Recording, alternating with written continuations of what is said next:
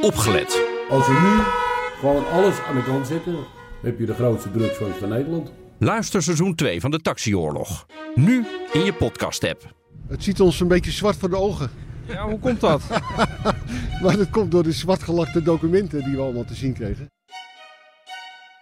Dit is een podcast van BNR Nieuwsradio. Welkom bij de Technoloog 114, Herbert. Hey Ben. Ja, dit wordt een mooie middag, man.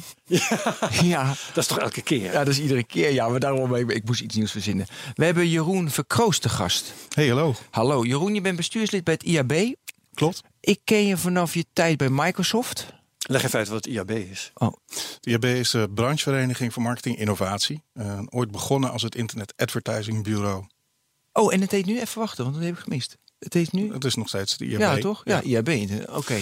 Maar het is een Ah, wat ja, bredere, breder, club dan eh, de, de advertentieclub. Eh, digita weet je, het IAB versnelt de digitale groei en levert een structurele bijdrage aan de kwalitatieve ontwikkeling van de markt. Zo, Klopt. daar is geen woord Frans bij. Oh, dat denk ik Nou, dat is wel nieuw, want Oh. vroeger stond er vooral van wij zijn voor de digitale groeipunt. Maakt niet uit hoe. Ja. Eh, want eh, dat was meer een soort van eh, digitaal is ook belangrijk en daar moeten we over vertellen. Tegenwoordig Nou. kijken we veel meer naar wat is nou eigenlijk de waarde en eh, de- hoe doen we dat op een kwalitatief goede manier. Ja, dan wil ik er nog iets, iets aan toevoegen. Ik had van de week sprak ik met Thijs Chinot, dat is een ex-collega van jou bij MSN. Hij zit nu in de Tweede Kamer voor D66 en hij is uit de technologiewereld gegaan toen zeg maar het breekpunt was. Dus wij hadden die avond hadden we het erover. Hij was alleen, weet je, tot 2000, eh, tot Snowden zat hij erin en alles mogelijk. Facebook goed, Google goed, Microsoft, alles was, we, alles kon. En toen ineens hadden we ook de zwarte kant, hadden we ook de andere kant. Dus die ongebreidelde groei van het IAB is wel goed dat er nu ook wordt eh, hoe zinnig het allemaal is. Dus dat is wel aardig. Dat jullie er ook over nadenken. Dat heeft met volwassen worden te maken. Dat is inderdaad. Ja. Ja. Ja, ja. Ja, de online wereld verliest zijn onschuld. Nou ja, en daar gaan we het nu. We gaan het over online advertising hebben. Nou, dat vind ik eh, heel erg boeiend. En de aanleiding was een artikel in de correspondent. En, Ja. en, en dat artikel, ik ga het niet helemaal samenvatten, mensen. Het staat in de show notes. Dat was eigenlijk dat er heel. En dat vermoeden had, had ik al lang. Ik wil niet voor Herbert praten, maar ik doe het wel heel graag. Nee, maar er wordt heel ik veel. heb niks in de gaten. Nee, er wordt heel veel bullshit en onzin, weet je, al jarenlang. En, en nou, nou, het artikel ging erover dat, nou ja, dat er best wel wat leermomenten zijn. En ik wil eigenlijk de eerste vraag die ik aan jou wil stellen. Nou, mag, mag, mag ik mijn, Ja? mijn plasje erover Ja, doen? dat gaat. Volgens mij, eh, dat, dat vond ik tenminste het mooie van dat stuk in de correspondent.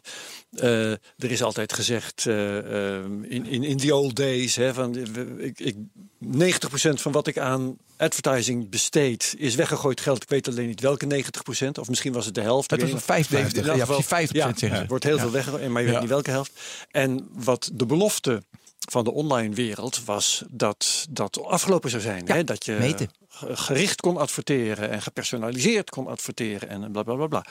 En het eh, mooie van dat stuk in de correspondent vond ik dat duidelijk werd, eh, ehm, bewezen werd zo ongeveer, voorgerekend werd dat het ook bij online adverteren best nog 50%. tegenvalt. Ja, om echt helemaal Ja, door te meten. En er waren allerlei andere mechanismen die ik heel mooi vond, waar eh, we straks vanzelf aan toekomen. Waardoor ik dacht van dit is echt fantastisch. Ja, Eh, dit geeft voor mij echt een nieuw licht op, Ja. eh, op eh, de adverteerderswereld. Nou, maar kijk, dat vermoeden had je al en ik ook. Maar het was leuk dat dat in, in dat artikel even duidelijk werd gemaakt. Op een rijtje gezet. Ja. Oké, Jeroen, nu jij. Eh, Klopt het dat artikel? Is inderdaad, is het, eh, is het online 50% weggegooid? 50%? Ja, dat kunnen we wel meten. Of is het online 90%? Of... Het zijn eigenlijk twee vragen. Hè. In eerste instantie, ja, 50-50 regel geldt altijd eh, in marketing. Ehm, op elk mediumtype en ook online. Ehm, dat komt omdat marketing gewoon heel complex is, omdat er heel vaak heel veel kanalen tegelijk ingezet worden. Dan is het altijd lastig om te kijken welke actie heeft nou precies het verschil gemaakt en een bijdrage geleverd. Ja. Nou, daar zijn allerlei ingewikkelde attributiemodellen voor. En ook online eh, is dat niet zomaar. ehm, Rocket science, wiskundig eh, tot op eh 99% aan te tonen hoe dat, hoe dat werkt. Ja, terwijl Mathman, weet je, dat zeggen ze nu online. Dan moet je, eh, ja, dan moet je een wiskundige zijn. Want, precies wat Herbert zegt, we kunnen het wel doorrekenen. Dus dat is een belofte. Dat is eigenlijk wat ze altijd zeggen, wat dus niet klopt, zeg je nu. Nou, klopt. En het is zelfs zo dat ik, hè, vroeger was ik eh, van de jongens en meisjes van het internet. En wij van het internet vonden natuurlijk dat daar allerlei dingen op konden die mooi en prachtig waren. Maar marketeers gingen vaak naar, eh, nou ja, naar kranten of naar tv. En wij riepen dan kom dan naar online, want online is alles meetbaar. We hadden bij wijze van spreken een t-shirt aan met het woord meetbaar. Ja. En dat was onze USP. En in ons enthousiasme dat we allerlei dingen real-time konden zien, was dat natuurlijk ook logisch om dat te gebruiken en ook om aandacht te trekken. Ehm, het vervelende alleen is dat de kritiek op het feit dat dat niet uh, zo meetbaar is als toen gesuggereerd werd, is 100% juist. dat klopt, het is niet zo makkelijk meetbaar allemaal. En dat komt vooral door het karakter van het internet. Dat verandert continu. De technische infrastructuur verandert continu. Mhm. Toen we webpagina's konden meten, gingen er ineens allerlei dingen in Flash gebeuren. Toen we door hadden hoe we dat in Flash konden meten, toen raakte Flash langzaam zeker uit. Toen begonnen er allerlei dingen binnen apps te gebeuren. Daarna kreeg je uh, walled gardens die uh, niet toelieten dat er gemeten werd wat daar binnen gebeurde. Dus dat meten, dat is door de um, ja, stormachtige ontwikkeling van het internet eigenlijk continu lastig gebleven. Ja, ja. En je blijft eigenlijk achter de feiten aanlopen. En, er komen ook steeds nieuwe aspecten van menselijk gedrag naar voren. Hè? Hoe mensen zich online gedragen. Nou ja, goed, dat is uh, sowieso twintig jaar geleden onbetreden gebied. Maar, Maar- maar hoe zit dat in relatie tot adverteren online? Eh, nou, bijvoorbeeld andere eh, gedrag? eh, gedrag van mensen op Facebook. Hè, in de tijd dat er nog geen Facebook was, eh, geen web 1.0. Toen had je ook niet het delen van, van fake news of, of het al dan niet klikken op advertenties. Dat was in die tijd was dat gewoon afwezig. Dus dat zijn dingen waar je gaandeweg van alles over ontdekt, lijkt mij. Ja, dat klopt. Ja, ja.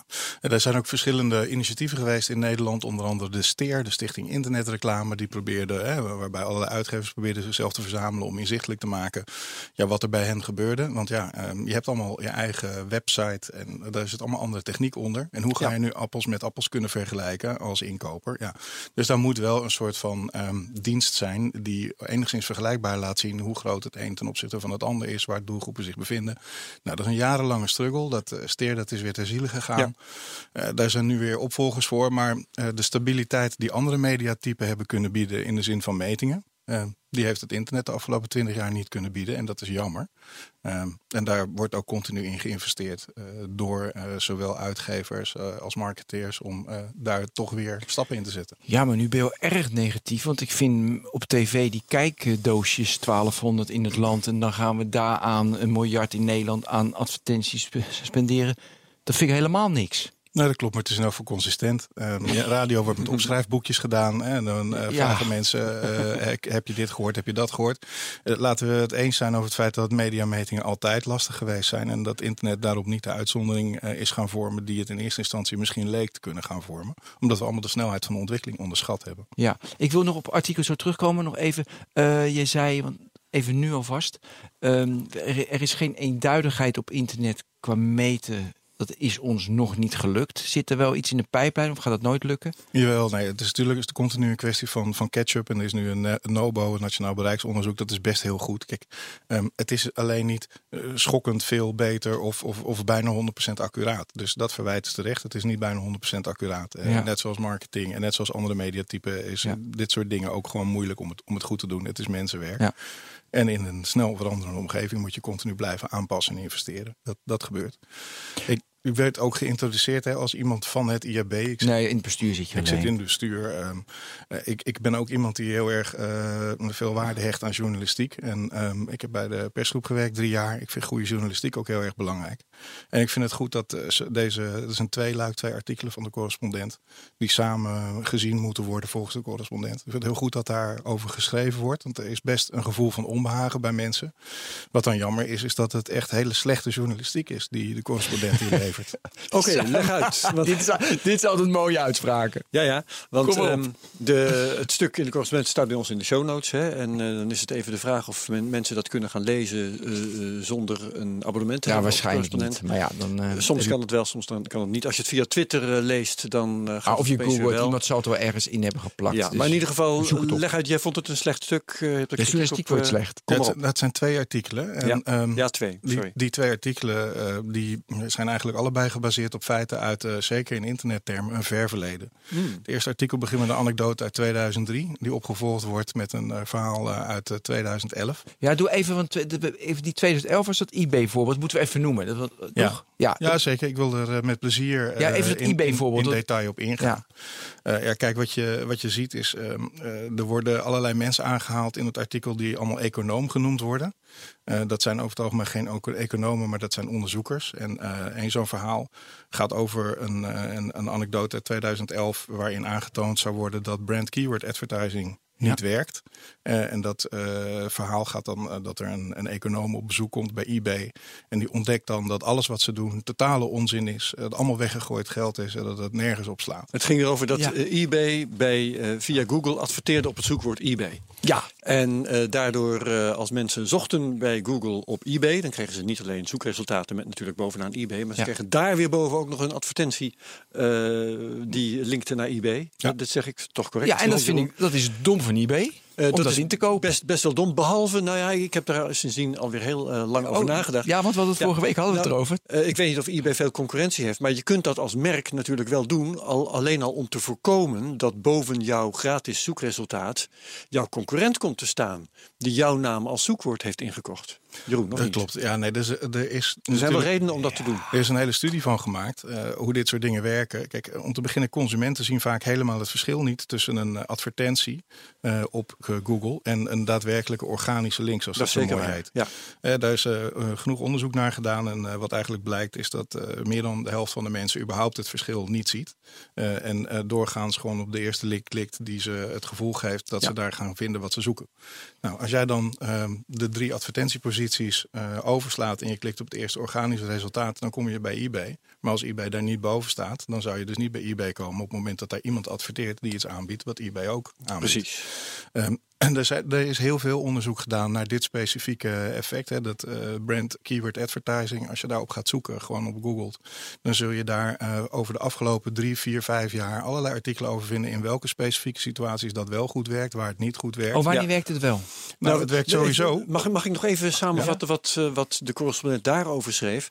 Dat is namelijk dat je een selectie-effect hebt en een advertentie-effect. En het selectie-effect, dat houdt in dat je met je advertentie mensen vangt die toch wel gekomen zouden zijn. Eh, omdat ze toch al naar jou op zoek zijn, dus ze gaan net zo lang door tot ze jou vinden.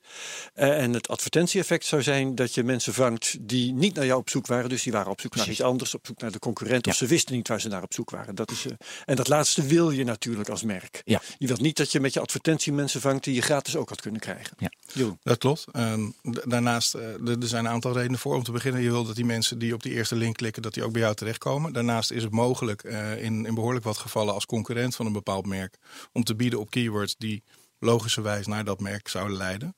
Wat je niet wil, is dat je concurrenten, jouw potentiële kopers, op basis van gerelateerde keywords vervolgens eh omrouteren naar hun website, zodat je de kans om ze wat te verkopen Ja. misloopt. Eh, dus brand keyword buying, eh, op merknamen, daar zitten beperkingen aan.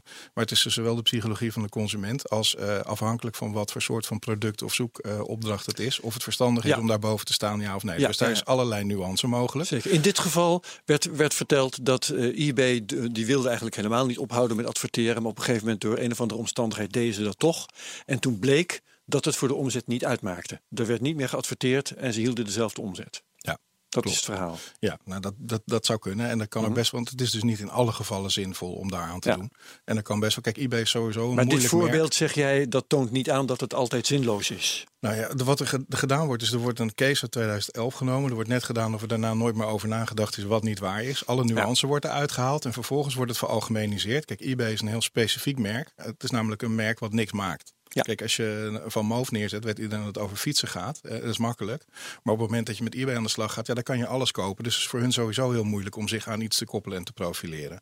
Dus je hebt eh, alle nuance weggehaald en je hebt een, een, een heel specifieke type adverteerder genomen. En dan wordt vervolgens ge- veralgemeniseerd en gezegd, kijk eens, het is allemaal onzin.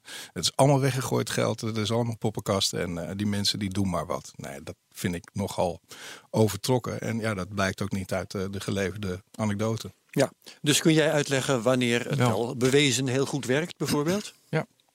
Nou ja, goed. eh, Daar zijn dus eh, bijvoorbeeld als je, keyword advertising. Ja, als je eh, op elektrische fiets eh, als adverteert als Van Moof, of op het moment dat je, eh, je gewoon je eigen brandname eh, als Van Moof eh, bovenaan zet, eh, op het moment dat mensen aan, op, zoek, op zoek gaan naar ja, een elektrische fiets, is dat heel verstandig. Ja, maar even een vraag. Ja. Als ik van Moof ben, dan zal ik zorgen dat ik al in, in, de, in, de, in de organische search als eerste boven kom. Logisch. Ja. Dat is gewoon optimalisatie. Maar dan ga ik natuurlijk nooit. Weet je, dus ik sta al bovenaan. Van als mensen van Moof in, zeg maar, intikken in de Google search bar en op enter drukken. Ja, dan ga ik echt. Ik ga die term echt niet inkopen. Want dat heeft Maar er echt staan, geen zin. je staat niet bovenaan, hè? Je staat op positie nummer vier. er Echt bij Van Moof? Nou, er staan nog drie posities boven je. Dat zijn betaalde posities, zijn advertentieposities. Als jij niks betaald hebt, kom je op plek vier. Ja, ik ga Ja, nu voor, gelijk... voor de normale consument die geen verschil ziet tussen advertenties Correct. en organisch resultaat. Ja. Ja. Mensen tikken van Moof in. Snap Dus je wilt van... Nee, ik snap je, het je, echt je, niet. Je komt bovenaan in de zoekresultaten, maar je staat niet bovenaan. Nou, er staan advertenties bovenaan. Ja, maar die persoon zoekt van Moof. Als je elektrische fiets zoekt, dan Nee, is het anders. Hij zoekt van hij- Moof. Als hij naar jouw merk zoekt, dan oké, dat is dan prima. Maar je wilt de mensen die, niet jouw, die wel een fiets zoeken, maar niet jouw merk. Die wil je naar jouw merk krijgen namelijk. Ja. Enfin, de- de- ik, zou, ik zou zeggen, als je dit interessant vindt. Ze hebben, in de, ze hebben inderdaad hebben ze wel, hebben ze wel ingekocht. Ja. Dus als je dit soort dingen en- interessant ja. vindt, er zijn echt super, eh, de, de, superveel eh, situaties en specifieke gevallen waarbij dat wel of niet slim is. Afhangt vanaf in welke branche je zit, hoeveel concurrentie je hebt, of je zelf producten maakt, of dat je een, een, een retailer of een e-tailer bent. Enfin, eh, mijn punt is niet dat het, niet al, dat het altijd onzin is. Mijn punt is dat er een case wordt genomen die, die zwaar uit zijn verband wordt getrokken, dat er veralgemeniseerd wordt, dat het bovendien een hele oude case is en dat er veel meer Ja. materiaal te vinden is. Als er een beetje desk research gedaan was door deze mannen, dan hadden ze kunnen zien dat er heel wat meer nuance biedt. Het is Eh, ingewikkelder dan het lijkt. ja, en het, het vervelende is, het hele stuk is nogal geschreven op een manier eh, vol met hyperbolen, stemmingmakerij, eh, bijvoeglijke naamwoorden. Het gaat over een markt van 250 miljard dollar, waar ir- irrationaliteit de norm is. Ja, nou, je, Dat vind is je een te- beetje jammer. Hè? Dat bestaat jij. Snode marketeers kunnen al onze gedragingen voorspellen en manipuleren. Facebook kent je ziel, Google hackt je brein. Eh, dit, dit, dit, weet je, dit soort drama en pathos verwacht ik eh, eerlijk gezegd niet Ja. van een, eh, Nou ja, wat ik- Wat ik, kwaliteitspublicatie. daar, daar had ik wel van. Weet je, als het echt zo slecht werkt. En we zitten nu allemaal dat Google je, het dus wel je brein hackt. En mij nudgt en manipuleert. En, de, met fake news de verkiezingen beïnvloedt. En, en, en, eh, en mij kunnen laten kopen wat ik wil. Dus ik, ik snapte dat niet goed. Want ik dacht, aan de ene kant is het allemaal onzin. Ja. Dus daar ga ik even met je mee. Aan de ene kant is het allemaal onzin.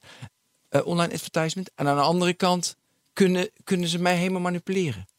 Ja, dus waarschijnlijk ligt de waarheid ergens in het midden. En is het niet totale nonsens. Dan werkt het in sommige gevallen prima, in andere gevallen niet. Ja, en hebben Leuke- voorbeelden eruit gehaald die. eh, Nou ja, goed, die om te beginnen heel oud zijn. eh, vervolgens en werken, anekdotisch zijn. En als je dan gaat kijken wie ze dan eh, aanhalen in het artikel. De, even de eerste personen die genoemd wordt is econoom Garrett A. Johnson. Die ooit werkte bij Yahoo en Google. Ehm, nou, dat is interessant, maar als je die man zijn naam ook daadwerkelijk even googelt, dan zie je dat hij volgens zijn eigen cv nooit bij Google gewerkt heeft. Dat hij bij Yahoo inderdaad als stagiair een jaar op de researchafdeling rondgelopen heeft. Maar dat is dus, eh, het is een researcher, geen econoom. Hij heeft bij Google niet gewerkt en bij Yahoo stage gelopen, maar wordt neergezet als een autoriteit. Ja, weet je, dat helpt allemaal niet. Nee. En het vervelende van dit hele artikel is dat het geschreven is vanuit een bepaalde vooringenomenheid. Eh, en het grappige is dat ze hem eindigen ongeveer met de quote: overtuigingen die gebaseerd zijn op mager bewijs zijn moeilijk te veranderen. Nou, dit hele artikel is één grote onderbouwing van die stelling. Het, is geschreven vanuit een overtuiging, die wordt bijzonder mager onderbouwd. Eh, en vervolgens wordt dat geretweet en herhaald door allerlei mensen die ook een hekel hebben aan advertising. En zeggen: ja, zie je wel, het is allemaal maar onzin. Oké, de artikel gehad, weet je, artikel journalistiek matig. Maar, maar dan willen wij natuurlijk van jou horen als expert. Weet je, wanneer werkt het wel? Weet je, wat is van Moof? Want ik heb nog, ja, sorry, dat moet ik, ma- mag ik nog één keer met van Moof Ja proberen? door. Ik tik van Moof in in Google. De, de- ze, inderdaad, ze hebben hem ingekocht, die term. Die staat als boven. De tweede organisch is gewoon van Moof. Weet je, dus is de, staan ze ook. Hoe? Waarom heeft Van Moof dat gedaan? Leg mij dat eens uit, Jeroen. Waarom hebben ze hem ingekocht? Nou, om, te, om te beginnen, omdat heel veel mensen gewoon meteen op de bovenste link klikken. Als je daar niet staat, dan ben je. eh, Hoeveel kans- doen dat? Dat soort percentage weet ik niet. Oké, maar, Maar- ook een meerderheid. Ja, er zijn eh, meer dan 50% van de mensen ziet het onderscheid niet eh, tussen een betaalde link en een organische link, zoals dat heet. Moet de advertentieindustrie daar iets aan doen of maakt dat niet uit? Dus bij mij staat, ik, ik, ik zit nu even op Chrome, dus voor mij zit ik nu Er gewoon- is al wat aan gedaan, want die advertenties Ja, die worden eh, uitgevoerd, geloof ik, met een blauwe achtergrondkleur. Ja, groen Of in heb elk ik met iets. Maar Schoorvoetend eh, heeft Google eh, in de afgelopen 15 jaar meer nuance aangebracht in de verschillen tussen Ja. die posities, maar liefst ik zo moet daarvoor mogelijk. mijn beeldscherm kantelen, want het contrast in de ene hoek is anders dan de andere hoek. Dus Ja, dat is, ik ben er ja. mij er zo bewust van dat ik eh, dat echte resultaat wil zien en niet die advertentie. Dat ik dus echt zit te turen tot ik eh, tot ik weet wat wat is. Maar lang niet Maar lang niet iedereen doet dat. Oké, dus de meerderheid die klikt op de bovenste, die kijkt verder niet. Het is verder niet. Nee, nou ja, goed. Dus dat is meer, meer dan de helft van de mensen die Ja. het verschil niet ziet. En dan klikken ze gewoon op de eerste, Ja. eerste link die, ze- die hen logisch lijkt. Nee, voor Van Moof is het is een slecht voorbeeld op zich. Want die hebben niet allerlei resellers die hun fietsen verkopen. Eh, maar eh, als je een product hebt waar dat wel het geval is. En jij wil graag dat mensen op jouw productinformatie op jouw website komen. Dat je zelf een directe klantrelatie Ja. wil opbouwen. En dan wil je niet dat ze bij een fietsenmaker terechtkomen. Maar Van Moof ze op zou, jouw site komen. maar Van Moof zal ook niet zo duur. Van Moof, die term zal niet zo duur zijn. Nee, dat scheelt. Maar stel dat je gazelle bent en een fietsenmaker ergens eh, in Groningen die koopt eh, de bovenste betaalde link omdat hij gezelles wil verkopen. Jij wil als gezelle misschien wel die mensen op je eigen website hebben, zodat je ze daar jouw volledige productinformatie kunt geven. En niet dat ze bij een of andere knakker in Groningen uitkomen. Eh, Het artikel ehm, eh, gaat overigens niet alleen over eh, de- deze zoekresultaten van Google. Er wordt ook gezegd van goh, eh, wat er op Facebook gebeurt. eh, de ware invloed van een Facebook-campagne is veel minder dan gedacht. Ehm, nou, Ja, dat vind ik dus een contradictie met de berichten de afgelopen twee, drie jaar. Nou ja, wat wel een grappig eh, voorbeeld is om aan te haken, is onze zuidenburen die eh, toch talent hebben om grappig te zijn. Die hebben ook een heel grappig eh, on- onderzoekje uitgevoerd, het VRT. Die wilde duidelijk maken in hoeverre mensen gemanipuleerd worden of onder invloed staan van wat er op sociale media gebeurt. En die Ja. hebben een mini, mini, mini experiment uitgevoerd. Ehm, en dat hebben ze gedaan met de bijna vergeten groente pastinaak. En wat ze gedaan hebben, ze hebben 500 euro Ooit uitgegeven. bezongen door Dr. Anders P. volgens mij. Ja, dat klopt, ja.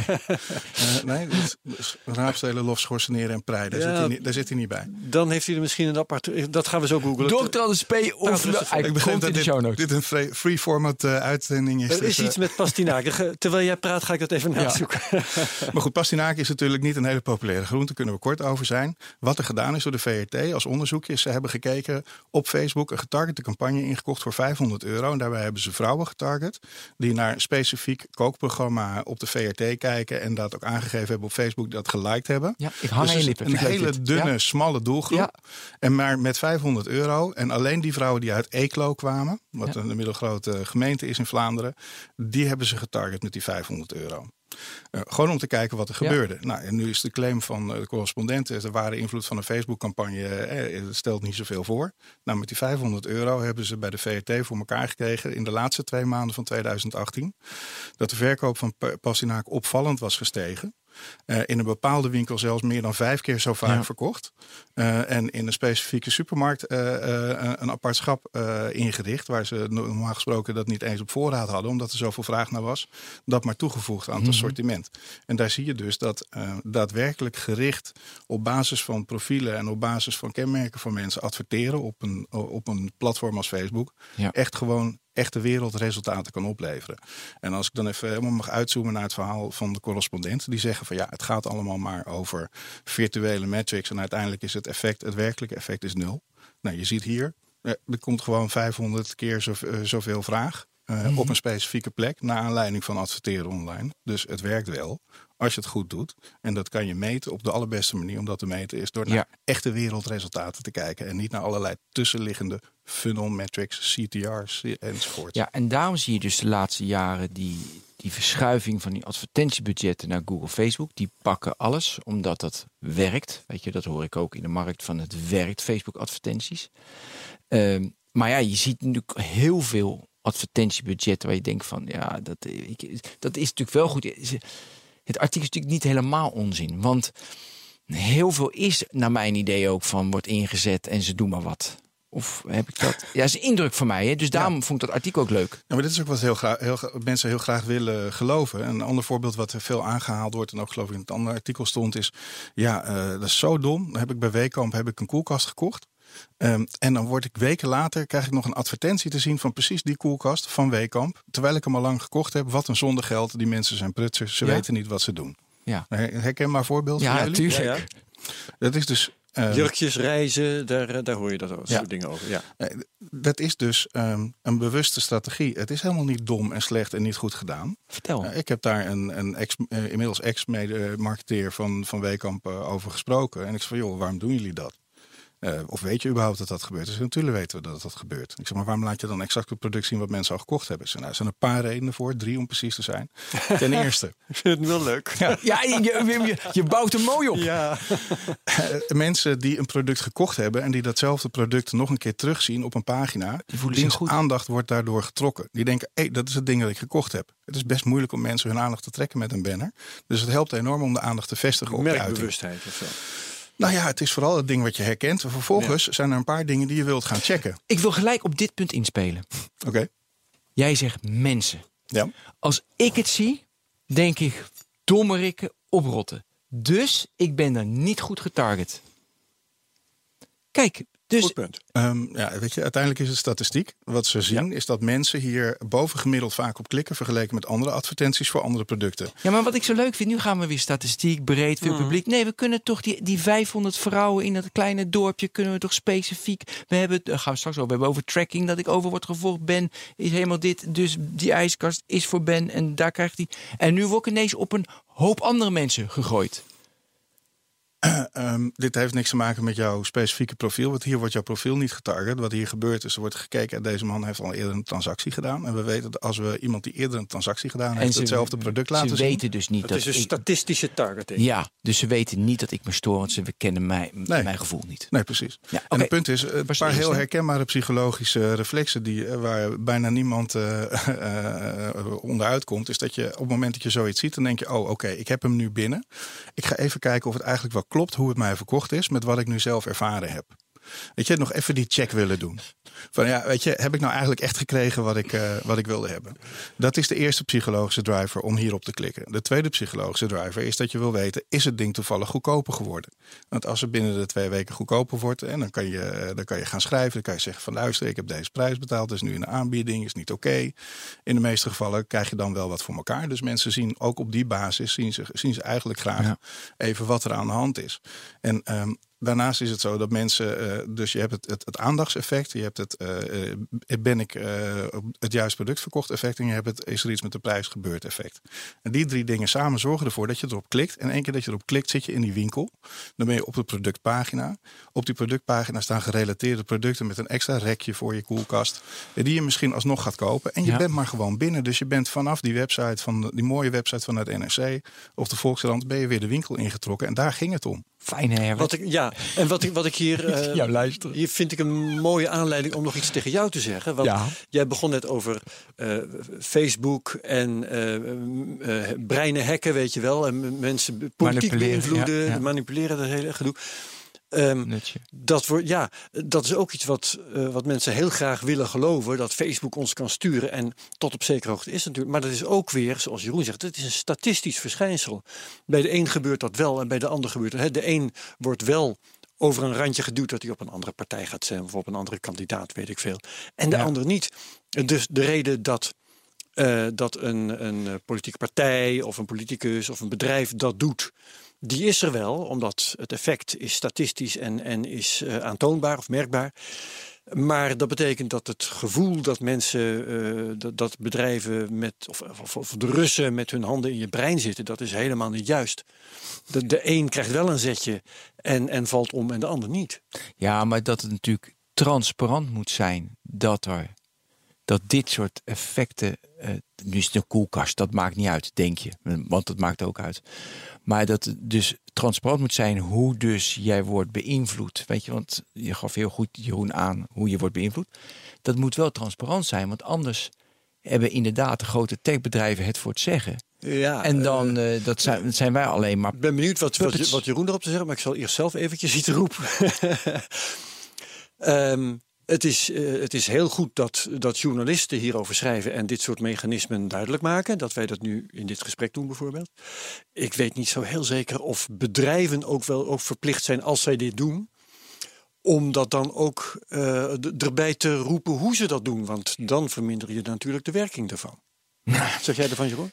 Ook- Nou, ja, eerst Jeroen, anders ben ik te veel. Ik zou, ik zou het een beetje dwaas vinden als Facebook zelf moest gaan publiceren hoe ze dat allemaal, eh, hoe ze dat allemaal inrichten. Kijk, manipulatie van mensen eh, om eh, aan te zetten tot eh, productvoorkeur of productverkoop is natuurlijk niks wat niet specifiek internet. eh, Nee. dat, dat is al sinds de En je, jaren je hoeft 50. bijvoorbeeld ook niet bij een televisieadvertentie die op gevoel inspeelt, een mooie stranden laat zien en zo, hoef je natuurlijk niet een bijsluiter te doen, ondertiteling of iets dergelijks van wij zitten nu in uw brein te roeren, want wij, wij geven u een prettig effect, eh, een prettig gevoel, terwijl we u dit en dit merk laten zien. Klopt. Nee. Maar het zou wel fijn zijn als ik, nou, als ik ontroerd word, denk ik van, oh mooi, dan heb ik wel gelijk van, oh, dat, misschien ben ik dan te analist, weet je, dat, dat ik te veel analyseer. Maar ik wel van, ja, ze manipuleren me nu en ze zitten me nu te bewerken, want dan heb, heb ik een goed gevoel. En dat, weet je, en dat bewustzijn lijkt mij voor heel veel mensen handig. Anders klikken ze inderdaad gewoon op die bovenste link.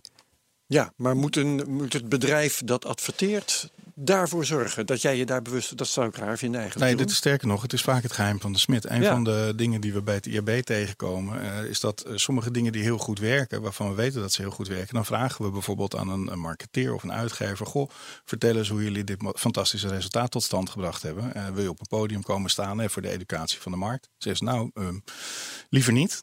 Of eh, ja, dat mag, maar we gaan geen getallen geven. Want ja, Ja. Dat je, dan maak je de concurrent. Dit is natuurlijk eff- effectieve verkoop in een, in een competitieve markt.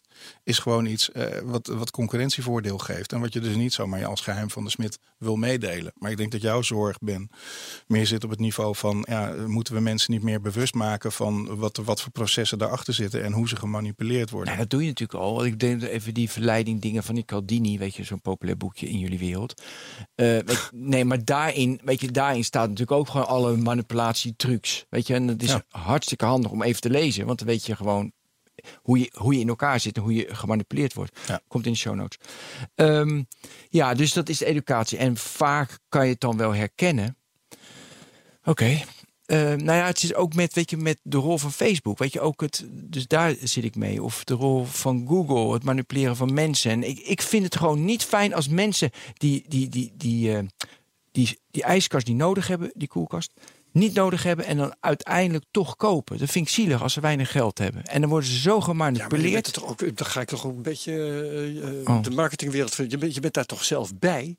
Ja, nou ja, sommige mensen die zijn heel erg onbewust. Ja. En, die, en, die, en die laat. Nou, dat zie je toch ook wat er met Trump allemaal gebeurt. Het is ook met. Dat, Ja, er zijn vast grenzen waar, waar je overheen eh, kunt gaan. Nou, waarom? Maar- Kijk, als jij gewoon een billboard ziet, dan maakt dat allemaal niet uit, want het is gewoon Een, ad- branding. een En- adverteerder moet niet de plicht hebben, vind ik, om eh, zelf te waarschuwen voor de effecten van zijn advertentie. Nee, maar ik denk dat wel dat je, dat je zou kunnen, en dat, dat, dat wordt ook eh, verwacht en, en, en geëist, eh, dat, dat het helder moet zijn wanneer een boodschap een advertentie is. Dat. Hè, als Ja. consument, dat je begrijpt van oké, er is hier een ander belang dan alleen maar het belang van, Ja. van puur de informatie. Dan kun je wel kritiek hebben op hoe Google dat presenteert. Maar oké. Nee, goed, dus dat is altijd dat is niet zwart-wit. Dus Nee, dat is Google zegt, ja, we hebben het aangegeven en eh, vervolgens doen ze dat op een manier waaruit uit onderzoek blijkt dat 50% van de mensen dat onderscheid niet ziet. Ja. Dus dan kan je Ja. afvragen, doen ze daar een goede job? Ja. Nou ja, dat is op een gegeven moment iets waar, nou ja, als je daar niet uitkomt en je vindt dat heel gevaarlijk, dan moet je dat misschien gaan reguleren. Maar bedrijven reguleren vanuit de overheid om dit soort dingen te doen. Ja, het is iets waar je denk ik terughoudend mee moet zijn, tenzij echt blijkt dat dat maatschappelijke ontwrichting tot gevolg heeft. En dan, dan moet je er helder over zijn. En dat gebeurt ook. Hè. Heel veel van de eh, kritiek, eh, ook die in artikelen van de correspondent aangehaald wordt, gaat over het zomaar volgen van mensen. Er worden allerlei hele wilde claims gedaan in dat artikel over eh, hoe je volledig gevolgd zou worden, et cetera. Dat is allemaal helemaal niet waar. En bovendien hebben we er al sinds een jaar hele strenge Europese wetgeving voor, de GDPR of AVG, Ja. die dat allemaal aan banden legt. en waarop ook gehandhaafd gaat worden dit jaar. Dus het is niet zo dat het A, het mag allemaal niet zomaar. handhaving, dat, eh, kun je nog van alles over zeggen. Maar Nou, dat gaat dit jaar gebeuren. Dat is in elk geval niet afgelopen jaar gebeurd, dat is helder. Eh, ik begrijp dat het dit jaar wel gaat gebeuren. Maar punt is, er zijn gewoon wetten voor. Dus het is helemaal niet zo Mhm. dat het allemaal maar mag. En mijn ervaring, ik zit in die wereld. Ik heb net eh, eh, anderhalf jaar gewerkt bij een mediabureau... wat heel veel digitale campagnes serveert. Ehm, daar wordt heel erg zorgvuldig omgegaan met data van mensen. eh, omdat iedereen begrijpt dat er een enorme verantwoordelijkheid aan zit. En een enorm bedrijfsrisico op het moment dat je betrapt wordt... dat je daar niet netjes mee omgaat. Ja, maar even, want ik wil even de stand van zaken nu weten. ehm, want het is ik vind het best wel ingewikkeld met real-time bidding en het verrijken van profielen. En dan zijn er andere bedrijven die dan weer eh, de data mag niet meer worden gekocht. Alleen als ik toestemming heb gegeven. Weet je, ik vind het, ik vind het best wel een on- wereld. Kun je me iets meer meenemen dat het niet ondoorzichtig is? Ja. Ik zal het aan de hand doen van een voorbeeld. Een voorbeeld van Renault, eh, een bedrijf waarvoor eh, Omnicom, waar ik het afgelopen anderhalf jaar heb gewerkt, voor werkt. Eh, Renault heeft natuurlijk mensen die auto's kopen bij Renault, bij Renault dealer. En Renault heeft de gegevens van die mensen in hun database. Dus ze weten of iemand een blauwe Twingo gekocht heeft of een roze Twingo. Die mensen die, zo'n auto kopen bij een dealer, wat er, wat er vaak gebeurt, is dat ze vervolgens die auto in onderhoud geven bij een neef of bij een BOVAG garage op de hoek. En zo'n dealer moet het eigenlijk hebben van onderhoud. Nou, Renault snapt dat. En die probeert mensen terug te krijgen bij die dealer. Dus die begint een campagne met een soort wintercheck-up. Eh, waarbij ze mensen eh, zeggen van goh, eh, laat je auto controleren voor de winter of het allemaal nog oké is. Kom terug naar de dealer, het is gratis of je betaalt 30 euro, het is heel weinig. Je weet weer dat je goed zit. Nou, Zo'n advertentiecampagne is logisch, dient een doel. Maar je moet zorgen dat mensen die toch al behoorlijk bannerblind geworden zijn. Hè, een soort winkelhaak aan de bovenkant en de linkerkant van elke website en veel apps die adblockers genegeerd hoor. wordt. Dus alle, alle luisteraars van de technoloog hebben adblockers, dus die zien nooit meer die dingen. Nou, dan kennen ze dat misschien van vroeger nog. Dat, oh, die adblockers moeten we het dan straks nog Gaan we over zeker hebben. over hebben. Oh, leuk, Maar even terug naar het voorbeeld. Ja, het probleem is, mensen zijn vrij bannerblind. Dus je wil zo'n boodschap wil je namens Renault, eh, om je dealers te steunen, wil je onder de oog krijgen van mensen. Nou, wat helpt dan als je uit de database, de DNP van Renault, eh, halen wij vervolgens de gegevens. We zien of iemand zeg maar, eh, op de Renault-site ingelogd is geweest. Dus als jij zo'n Renault hebt, je bent bij Renault geweest, je hebt dat ding samengesteld of je hebt jezelf daar kenbaar gemaakt, dan kan ik jou later, als jij op bezoek bent bij de Volkskrant of bij Business News Radio op de website, kan ik jou een banner laten zien waarin precies de auto die jij hebt, in de kleur die jij hebt, in die banner vertoond wordt. Ah, Ja, ja, ja, En dat trekt enorm de aandacht. Je hey, fuck, dat is mijn auto. En dan staat er, omdat je er naar kijkt, ga je daar vervolgens de letters omheen ook lezen. En denk ik, oh, gratis wintercheck-up, hartstikke mooi. Op die manier wordt jouw data vanuit de marketingdatabase van Renault gebruikt door het mediabureau. En via een paar technische partijen uiteindelijk samengesteld in een banner. En alleen jij krijgt die roze Twingo te zien als jij de enige bent die een roze Twingo gekocht hebt in Nederland. En een ander krijgt een blauwe, een bruine, een grijze of wat ook te zien. Dus op die manier wordt jouw marketing database gegeven gebruikt om een gepersonaliseerde advertentie te laten zien. Nou, en als je dat soort dingen doet, Die ook nog eens een keertje niet hinderlijk is. Hè? Want eh, nou ja, goed, ieder, men, zat mensen zeggen, ik heb nooit om advertising gevraagd en ik vind het allemaal, ik vind het allemaal stom. Dat, dat kan. Stom. Maar ja, het is een onderdeel, ik ook, maar het is een gegeven. Ja, Eh, en het is ook voor een heleboel media online eh, de, het bestaansrecht. Dus vergeet dat niet. Ja. Goed, dus zo'n advertentie die op die manier goed getarget is, die kan in dit specifieke geval meer dan 60% hogere respons opleveren. En dus is het heel zinvol om dat te doen. Ja. Oké. Maar dit vind ik een heel makkelijk voorbeeld. Want als ik nu de staatsloterij heb gewonnen. Je vroeg om een makkelijk voorbeeld, hè? Ja, Voor de maar, ik vind deze te makkelijk. Als ik de staatsloterij heb gewonnen, dan staat dat ergens in een database. Maar ja, dan, mo- dan mogen mensen sinds de AVG mogen ze dat niet weet je, koppelen. Dus dat is een beetje waar ik. Waar, waar, hoe waar dit zijn de werkt, koppelingen? eh, hoe dit werkt. eh, ehm, als, als bijvoorbeeld wat er hier gedaan wordt, is een mediabureau die heeft toegang tot de database van Renault. Die data is niet van, eh, van het mediabureau en die wordt ook niet van het mediabureau. Maar eigenlijk is die data, dat moet je zien, als, dat is de tuin van Renault. En die huurt een tuinman in eh, om te zorgen dat dat netjes eh, dat het op orde is. Mooie En- verwerkingsovereenkomst. ja, daar, daar liggen allerlei overeenkomsten onder. En die data mag ook alleen ingezet worden op de manier zoals dat merk ja, maar ik heb het even over heeft. het verrijken van data. Dus verrijken van data met andere bronnen. Nou, wat er gedaan wordt, bijvoorbeeld, eh, stel dat je een, een meer algemene campagne voor Renault hebt en Renault wil graag mensen bereiken die nog geen klant zijn bij Renault. Nou, wat je dan gaat doen is dan pak je de database van Renault, dan ga je kijken welke overeenkomsten hebben mensen die een bepaald type Renault kopen. En dan ga je kijken, kan ik daar een bepaald profiel van opstellen? Van nou, hebben we misschien eh, in het, het segme- segment van de duurste Renault, zijn dat toevallig vaak lease-rijders en zijn die in een bepaalde sector? Is het daar populair? Dus je gaat naar karakteristieken en eigenschappen kijken en vervolgens ga je online, ga je kijken, eh, zijn er andere groepen mensen te vinden die erg sterk lijken op dit profiel? Want dat zijn dan potentiële nieuwe kopers van Renault, die nog niet in de database van Renault zitten. Dus zo worden mensen met elkaar vergeleken in cohorten Ja. en uiteindelijk eh, hopelijk nieuwe klanten gevonden. Waarbij van niemand persoonlijk eh, eh, het doopzeel wordt gelicht. Dat is Nee, een, dat is het, maar- een essentieel onderdeel van het verhaal. En dat is zo moeilijk te begrijpen voor consumenten. En dit is Ja. een van de dingen die ik, eh, die ik graag nog zou willen doen vanuit de industrie of het IAB. Ehm, ik begrijp zo goed dat als jij rode schoentjes bekeken hebt bij Zalando. en je komt een dag later op nu.nl. en je ziet daar die rode schoentjes. dat je het gevoel hebt dat die van Zalando met die van nu gebeld hebben. Ja. En dat iedereen op het internet met elkaar praat over welke schoentjes jij kijkt. Nou ja, goed, schoentjes tot daar naartoe. Als het naar sexy ondergoed is, wordt het nog een heel stuk naarder. Hè, of Ja. als het over persoonlijke leningen gaat. En het gevoel dat Ja. iedereen weet wat jij doet. en dat die informatie maar voor iedereen beschikbaar is. dat is een enorm gevoel van onbehagen. wat echt leeft onder mensen. En dat begrijp ik. En het is ook eh, op zichzelf kun je dus verdedigen dat, dat het niet zo creepy is als het lijkt. Maar aan de andere kant moet de advertentiewereld het zich aantrekken dat het creepy lijkt. En misschien dit soort gevallen proberen te voorkomen. Daar kun je waarschijnlijk ook wel wat aan doen. Nou ja, ik denk dat je het op zijn minst zou moeten uitleggen. Want wat er Ja. eigenlijk aan de hand is natuurlijk... is nu.nl heeft geen idee dat jij die rode schoentjes bekeken hebt. Precies. het is Zalando die op dat moment een vakje huurt. Ja. En die zijn eigen klant herkent. En de boodschap van Zalando eh, is van... goh, je hebt deze schoenen bekeken. Kijk er nog eens naar. Of kijk naar deze andere kleur. Maar het is, eh, die informatie is niet van eh, Zalando naar nu.nl gegaan. Nee, en dat, en is eigenlijk iets wat mensen heel weinig Ja. eh, inzichtelijk hebben. Daar, daar wil ik een, een voorbeeld bij halen. En eh, correct me if I'm wrong. Er was een tijdje geleden was er ophef omdat ik geloof ING zou van plan zijn om zijn klantendatabase te verkopen. Daar kwam het ongeveer. mee. Dat was niet waar. Wat ze wilden was het commercialiseren. In de zin dat adverteerders eh, toegang zou worden geboden tot eh, informatie. Bijvoorbeeld dat als ze wi- wilden adverteren in de richting van mensen met een inkomen boven de halve ton. Verzin maar wat.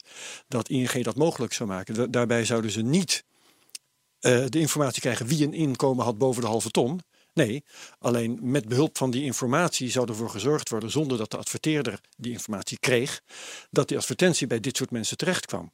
Jeroen, is het, klopt dat wat ik zeg? Nee, ja, dat is... Ja, Ja. eh, Dus het was, eh, het, daarmee wil ik zeggen dat de privacybezwaren daartegen een stuk minder eh, helder waren dan het leek in eerste instantie. Nee, het is ook zo dat uiteindelijk... het werd je- voorgesteld. Je bent als merk eh, zelden geïnteresseerd in de persoonlijke, echte persoonlijke details van iemand. Ik- Of het Herbert Blankenstein is die deze advertentie bekijkt eh, of niet, eh, is eigenlijk nooit relevant. Ja. Waar het wel om gaat is of jij het type bent eh, dat misschien ge- geïnteresseerd is in een elektrische fiets. En als we Ja. dat kunnen, aannemelijk kunnen maken, dan willen we liever aan jou die advertentie laten zien dan aan een ander. Het is gewoon economie uiteindelijk. Maar omdat het zo. zo- zodra het gerelateerd is aan het gedrag wat mensen eerder vertoond hebben en het heel duid- duidelijk herleidbaar is, hebben ze het gevoel van ja, Ja. mensen weten alles van me, weten wie ik ben, waar ik ben en wat ik doe. En ja, zover gaat het eigenlijk helemaal niet. Nee. Het grappige is eigenlijk wat hierachter ligt, is allemaal techniek die gebaseerd is ehm, op ehm, het, het emuleren van de relatie die je vroeger had met de gewone winkelier. Weet je, eh, al die technieken die, die Hetzelfde, maar, maar, maar weer, meneer Verkroost. Hè? Dat, eh, Nou ja, weet je, eh, de facial recognition, voice recognition, eh, golden customer record, sampling, privacy by design, loyalty programma, experience marketing. Je kan het allemaal terugrelateren aan gewoon een bezoek aan de slijter. ja, dat, daar had jij een stukje online over geschreven. Dat vond ik heel, heel vermakelijk. Ja, nee, maar dat, Dat- is eigenlijk wel wat er, hebben we wat daar er een link gebeurt. van? Ja, dat zal eh, in de dat show is notes verschijnen. regelen. Daar gaan we, gaan we voor zorgen. Zal ik leveren? Staat het in Maar- jouw Trello-bord? Ja, ook. Oh, ik zat te Eh, kijken naar je Trello. Jeroen schreef daarin hoe eh, de slijter Oh, door, hem, eh, eh, door, door hem in te schatten, door, eh, door hem een, een, een glaasje aan te bieden, door hem door te kijken hoe hij daarbij keek als hij wat proefde enzovoort. Allerlei effecten bereikte die je ook eh, online met allerlei technieken kunt bereiken. Ja, dat klopt. Nou, dus dat is, dat is eigenlijk wat we met z'n allen proberen te doen. Alleen dan op schaal. Omdat mensen niet meer bij in de winkel komen. Maar op de website wil je toch die persoonlijke relatie en je wil service leveren. Dus elke marketeer in Nederland wil heel graag die winkel zijn waar jij het gevoel hebt van... oh, hier word ik herkend en hier weten ze wat ik graag wil hebben. En hier is het, is het makkelijker om te krijgen wat ik nodig heb en wat ik wil. Ehm, het punt is dat om dat te doen, moet je dingen weten van mensen. Ja. En aan de ene kant wil iedereen heel graag goed geserviced worden. Aan de andere kant vinden mensen het eng eh, als ze het gevoel hebben dat een bedrijf een profiel van ze opbouwt. Ja. Dat is heel duaal. En voor een marketeer is die dualiteit nog, nog lastiger. Want die wil heel graag dicht, zo dicht mogelijk bij een potentiële klant komen. En tegelijkertijd niet de creepy factor eh Ja. eh, En het grote verschil is natuurlijk dat je, bij jouw slijter kom jij en je weet dat je daar komt. Je, je, je kent die, hè, je hebt bewust de beslissing genomen om naar die winkel te gaan waar je de winkelier kent.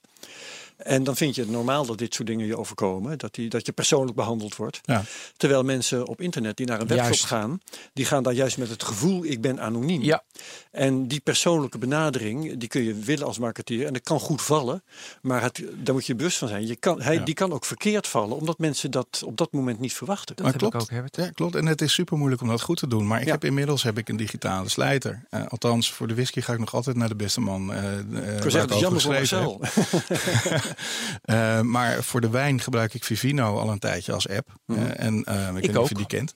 Maar daar kan je ondertussen kan je daar ook prima wijn kopen en bestellen. En ik heb meerdere dozen wijn inmiddels besteld bij Vivino. En ik heb wat dat betreft voor wijn heeft Vivino die relatie voor mij overgenomen van, van de slijter. Voor whisky niet, omdat de A niet zo'n goede whisky app is. En B, ik daar de expertise van Marcel nog uitzonderlijk vind. Ja. Dus eh, welke daar is persoonlijke relatie. Ja, dat is mijn, eh, mijn, mijn slijter. De naam die in dat stuk voorkwam. Ja. Oh ja, ja, nee, hij zat namelijk onder het menu van Trello-bord. Dus daar had ik, eh, had ik die column niet gezien. Ah, dat is Marcel, mooi, top. Eh, kunnen we al naar, naar adblockers? Want daar hadden we het over. Ja, we moeten even naar adblockers. Ja, dat is jammer, want ik heb nog best wel veel. Ja. Eh, adblockers. Oh, sorry. Wil, wil, wil je even... Want 40% stond in dat artikel van de, Ja, eh, dat van de zie je. Dat. Nou, laat het ook 28 dat- zijn. Nee, nee, nee, maar daar wordt dan geroepen van ja, het is, eh, er wordt allerlei dingen iedereen gebruikt dat. het alomtegenwoordigheid van adblockers, la la la. Die 40% is een groeicijfer. Dat is een groeicijfer uit 2016. Eh is geen recent cijfer. En wat we eigenlijk de afgelopen twee jaar gezien hebben. En ook deze informatie was gewoon te googlen geweest voor de heren van de correspondent. maar goed, is dat het Zijn eigenlijk. jouw vrienden, zei het. Ja, nee, maar echt, ik hou van goede Ja, kom journalistiek. op. Ja, dat weet ik al. goed is. Dit, is gewoon broddelwerk en dat is jammer. Het is. Ongeveer, het is al een jaar of twee, is het stabiel rond de 22 procent. Stabiel? Ja, al een jaar of twee. Waarom Oh, installeren grappig. mensen het niet? Nou ja, het is ook zo dat mensen die het geïnstalleerd hebben, vaak een, opnieuw een browser installeren of een upgrade doen of een ander apparaat krijgen en het dan niet opnieuw eh, nog een keer installeren. Dus je ziet ook veel mensen die het weer abandonen. Ehm, Jeetje. Het is ook zo dat eh, heel veel websites afhankelijk zijn van die advertentieinkomsten. En dat er ook eh, mensen zijn die dat zijn gaan begrijpen. En die denken van ja, weet je, dat is leuk, maar ik wil Ja. eigenlijk wel graag gewoon gratis dingen kunnen Ja, blijven ik doen. whitelist gewoon die site. En veel, veel websites verzetten zich er ook actief tegen. Hè. Er zijn, eh, ik heb dus wel een adblocker en ik krijg om de haverkap van die mededelingen. eh, wij zien dat je een adblocker gebruikt. Wil je daar alsjeblieft mee ophouden? Nee, weet je wat ik mooi vind? Dat gewoon... Of wil eh, je ons whitelisten, of wil je ons wel Ja, toegang- ja, ja. Dat toestemming geven? eh, Ja. Soms als verzoek en soms eh, ook eh, zo niet dan. En, eh, Dat dan, mag niet meer, hè? Dan heb ik. Oh, dat mag niet meer. Nee. Oké. Want ik vind dat op zichzelf persoonlijk.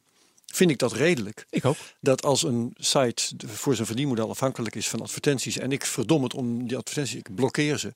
dat ze dan het recht hebben om mij de toegang te ontzeggen. Maar dat hebben ze dus wettelijk niet. Niet meer. Nee, er zijn, eh, dat hangt er een beetje vanaf. Als het een, een, eh, een website is die een, een, een algemeen karakter heeft, dan zijn daar eisen aan. Ah. Eh, weet je, eh, dat grappige is, er grote verschillen. Ik noem ook specifiek even een algemene website, zoals een, een nieuwswebsite, zoals een nu.nl of zo. Kijk je bij bijvoorbeeld de website als Tweakers.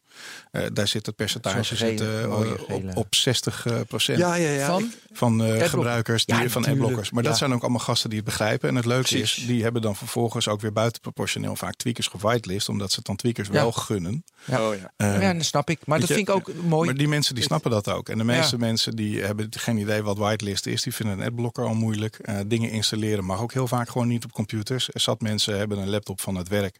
Waar ze helemaal geen adminrecht op hebben. Dus die mogen überhaupt niks installeren. Oh, er zijn allerlei redenen. Sneu hè? Ja.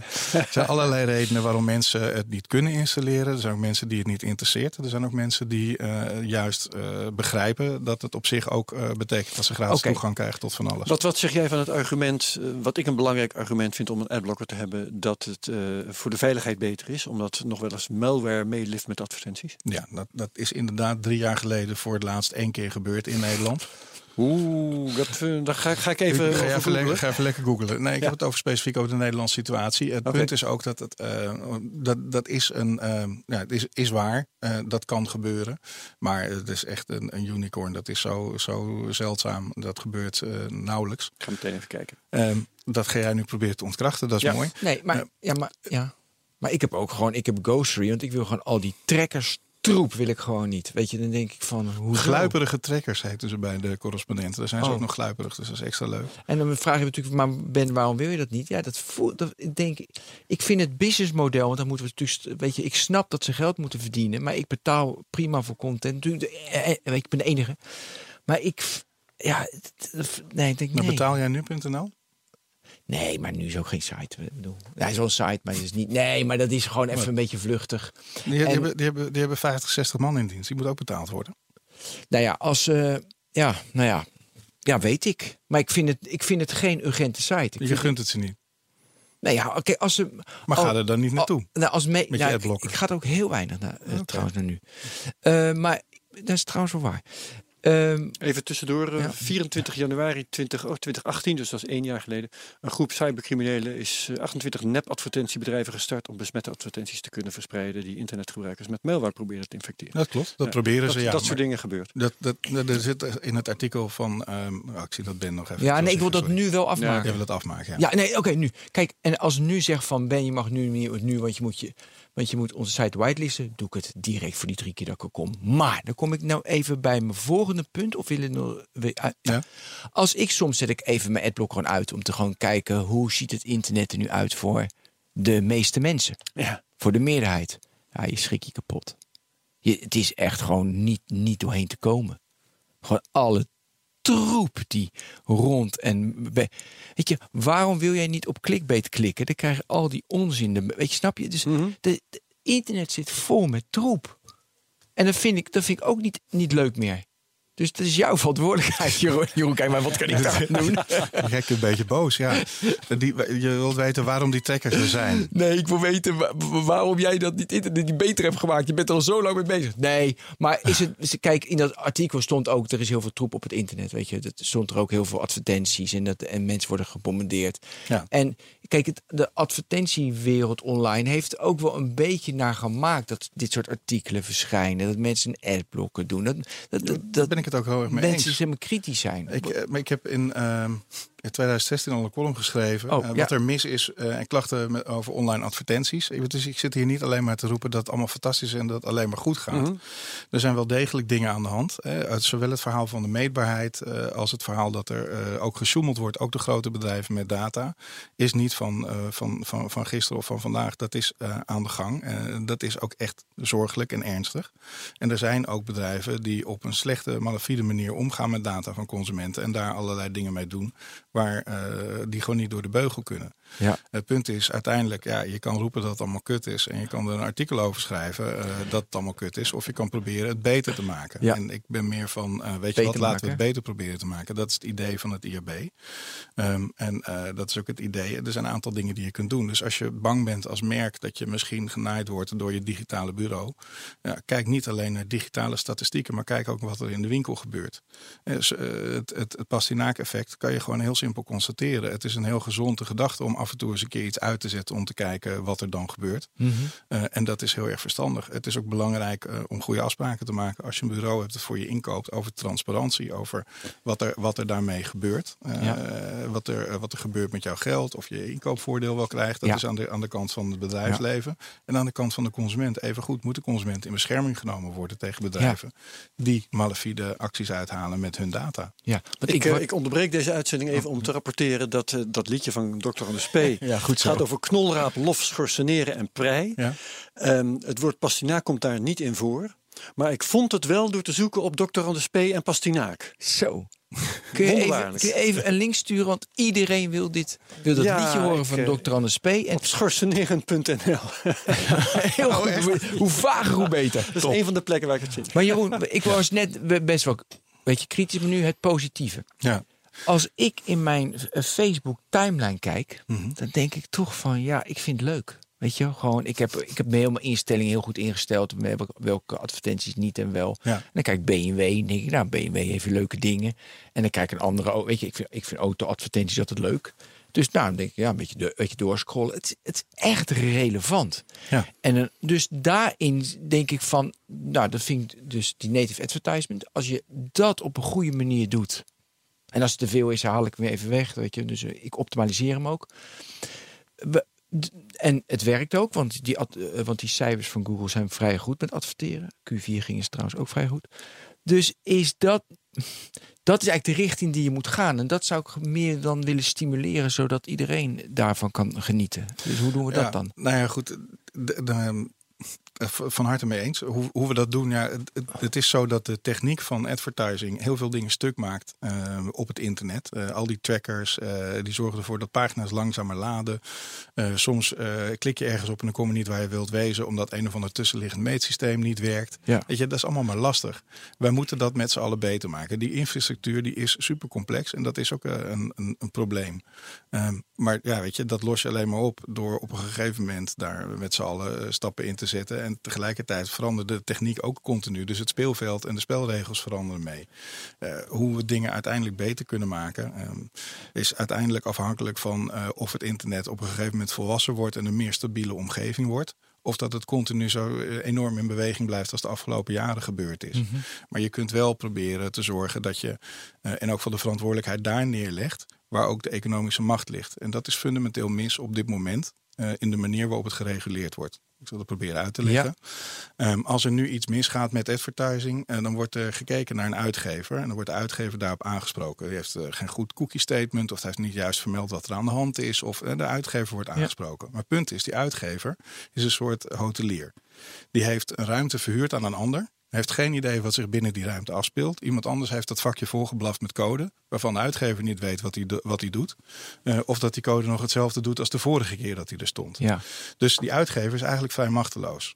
Ehm, waar de macht eh, zich concentreert, is natuurlijk bij de adverteerder. Het is ook helemaal niet moeilijk om te herleiden wie een advertentie geplaatst heeft. Want doorgaans is het merk eh, vrij prominent aanwezig. Maar die wordt er niet op aangesproken dat de hele tussenliggende infrastructuur voor allerlei problemen zorgt. Dus er is geen enkele prikkel bij de adverteerder om eh, minder complexe techniek te laten gebruiken of minder eh, schakels in de keten op te nemen. Of eh, om dat te stimuleren dat dat uiteindelijk beter wordt. En als je dat nu vergelijkt met een andere industrie. Eh, De farmaceutische industrie eh, is natuurlijk zo dat op het moment dat je iets koopt wat je op je lichaam smeert, is best gevoelig wat daarin zit. Of de dingen die erin zitten niet schadelijk voor je zijn. Of naar D is of make-up.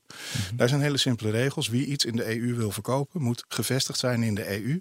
Moet vindbaar en traceerbaar zijn en moet aangesproken kunnen worden op de ingrediënten van het product. Waarom is dat bij advertising niet zo? Waarom heeft de EU zo'n slechte wet aangenomen Ja. die de verantwoordelijkheid volledig niet daar legt? Als we dingen beter willen maken, moeten we beginnen met de adverteerder waar het geld zit aan te spreken op het gedrag van zijn uitingen. En dan zal zo'n adverteerder vervolgens in zijn partnerkeuze wel gaan letten op dat ze clubs uitzoeken die dit Ja. goed doen. En die vergelijking met de gezondheid, eh, die bevalt mij heel erg. Want je hebt het toch, hè, wat betreft die advertising, heb je het over digitale gezondheid. Ja, Ja. maar dan is die eh, in het tweede artikel van de correspondent dat die eh, marketingdirecteur van Procter Gamble een jaar geleden of zo, of zei die, Twee jaar geleden. Ja, twee jaar geleden. Ook weer lang geleden. maar dat hij zei van, eh, weet je, dat er zoveel troep is enzovoorts. Dat, dan, dan eigenlijk steekt hij dan niet zijn hand in eigen boezem. Hij is een beetje hypocriet dan eigenlijk van hem. Nee, hij is sowieso. Kijk, deze man is de grootste adver- advertentie-inkoper ter wereld. Dus hij heeft er nogal een belang bij om eh, de verkopende partij te bashen. Want hij, Ja. de belangrijkste marketingdoelstelling van Procter Gamble is elk jaar minimaal double-digit kostenbesparing op marketing. Ja. Dat is zijn doel. En hij staat daar zo op het feest van het IAB en nieuwjaarsreceptie staat hij vertellen dat het allemaal kloten is, omdat hij gewoon minder wil betalen. Hij wil gewoon minder geld uitgeven. Dus het is Ja. ook weer absoluut niet een, eh, een neutraal persoon. Net zo goed als dat al die mensen die eh, in die artikelen aangehaald worden, allemaal werken voor Netflix, wat niks met advertising heeft, of voor, voor Microsoft, wat uh, advertising afgezworen heeft, enzovoort. Het punt is deze eh, ontwikkeling, eh, dat fraude hoogtij zou vieren, dat je niet weet waar je advertenties terechtkomen. Het zijn allemaal redelijk ongefundeerde claims die neergezet zijn vanuit een inkoop. Nou, dat artikel hebben we gehad. Wat ik nog wel grappig vind, ik vind jouw betoog heel mooi met weet je, farmacie, dat adverteerder de, de verantwoordelijkheid moet hebben. En nu wordt dat neergelegd bij de uitgever. Maar, maar één wat ik dus grappig vind, de New York Times, hebben ze als kop van het artikel Facebook Surveillance Machine. Dus Facebook. En, dan- en hebben ze 41 trekkers. ik weet de pop bij mij dan op, 41 trekkers. Ja. Dus dat is best wel. Dat is net zoals die mannen van de verleiders die bij DWDD waren en een vreselijk drama maakten. Eh, hun eigen website is er ook vol met trackers eh, Ja, voor op het ja? moment dat je kaartjes wil reserveren. Ja. Mooi. En dan roepen ze dan achteraf van, ja nee, maar dat was bewust, want daar gingen we nog iets mee doen in de voorstelling. Ja, nee. Ja. Weet je, eh, natuurlijk, dit is ook gewoon een stuk infrastructuur waar het internet vandaag op gebouwd is. En dat moet absoluut nog beter. Eh, zeker eh, als mensen geconfronteerd worden met pop-ups en fouten die ze niet begrijpen. Ja. Weet je, dan schiet het zijn doel voorbij. Ja, wil je even de. Weet je, we hebben het advertentiemodel op, op internet. Weet je, verz- verzamelen van data. Dat is het businessmodel. Heb jij daar een beter. En heb jij een idee over een beter alternatief? Wat nu is het beste wel. Weet je, je ziet, je ziet steeds meer subscriptions. Nou, leuk, maar niet voor, dat is niet voor iedereen. Nee. Hoe, hoe zie jij het businessmodel? Nou, wat je ziet in, in de algemene zin is dat de bereidheid om te betalen voor content echt wel toe, toegenomen is. Ja.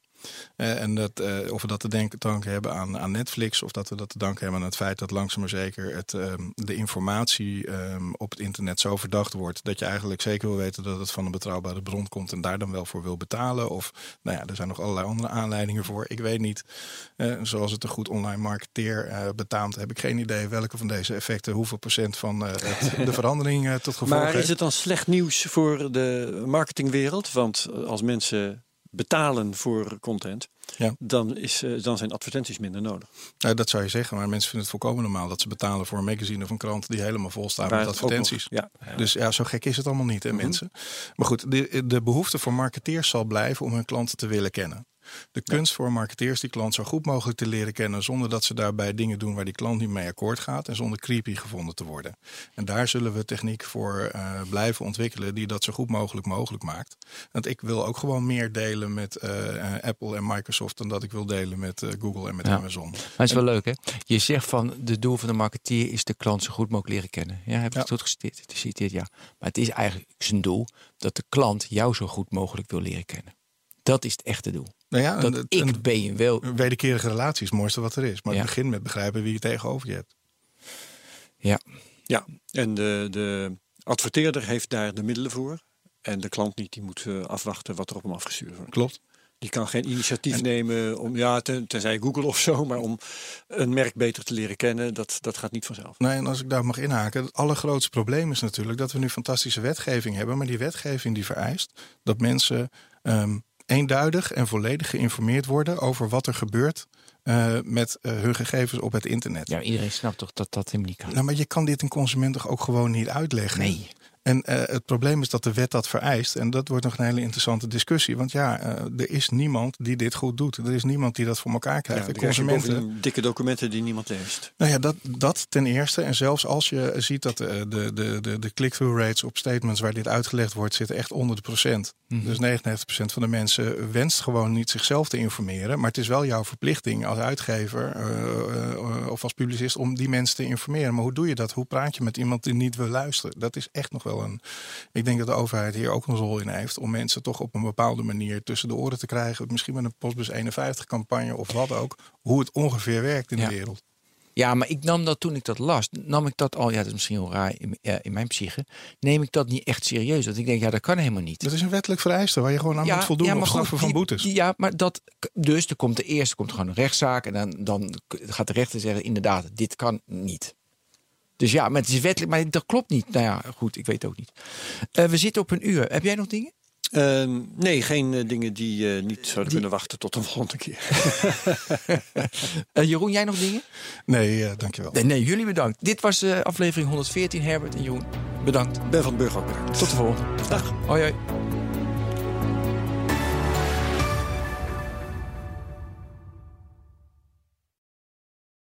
Ook Thomas van Zeil vind je in de BNR-app. Je kunt live naar mij luisteren in Zaken doen, de BNR-app met breaking news, het laatste zakelijke nieuws en je vindt er alle BNR-podcasts, bijvoorbeeld Het Nieuwe Geld. Download nu de gratis BNR-app en blijf scherp.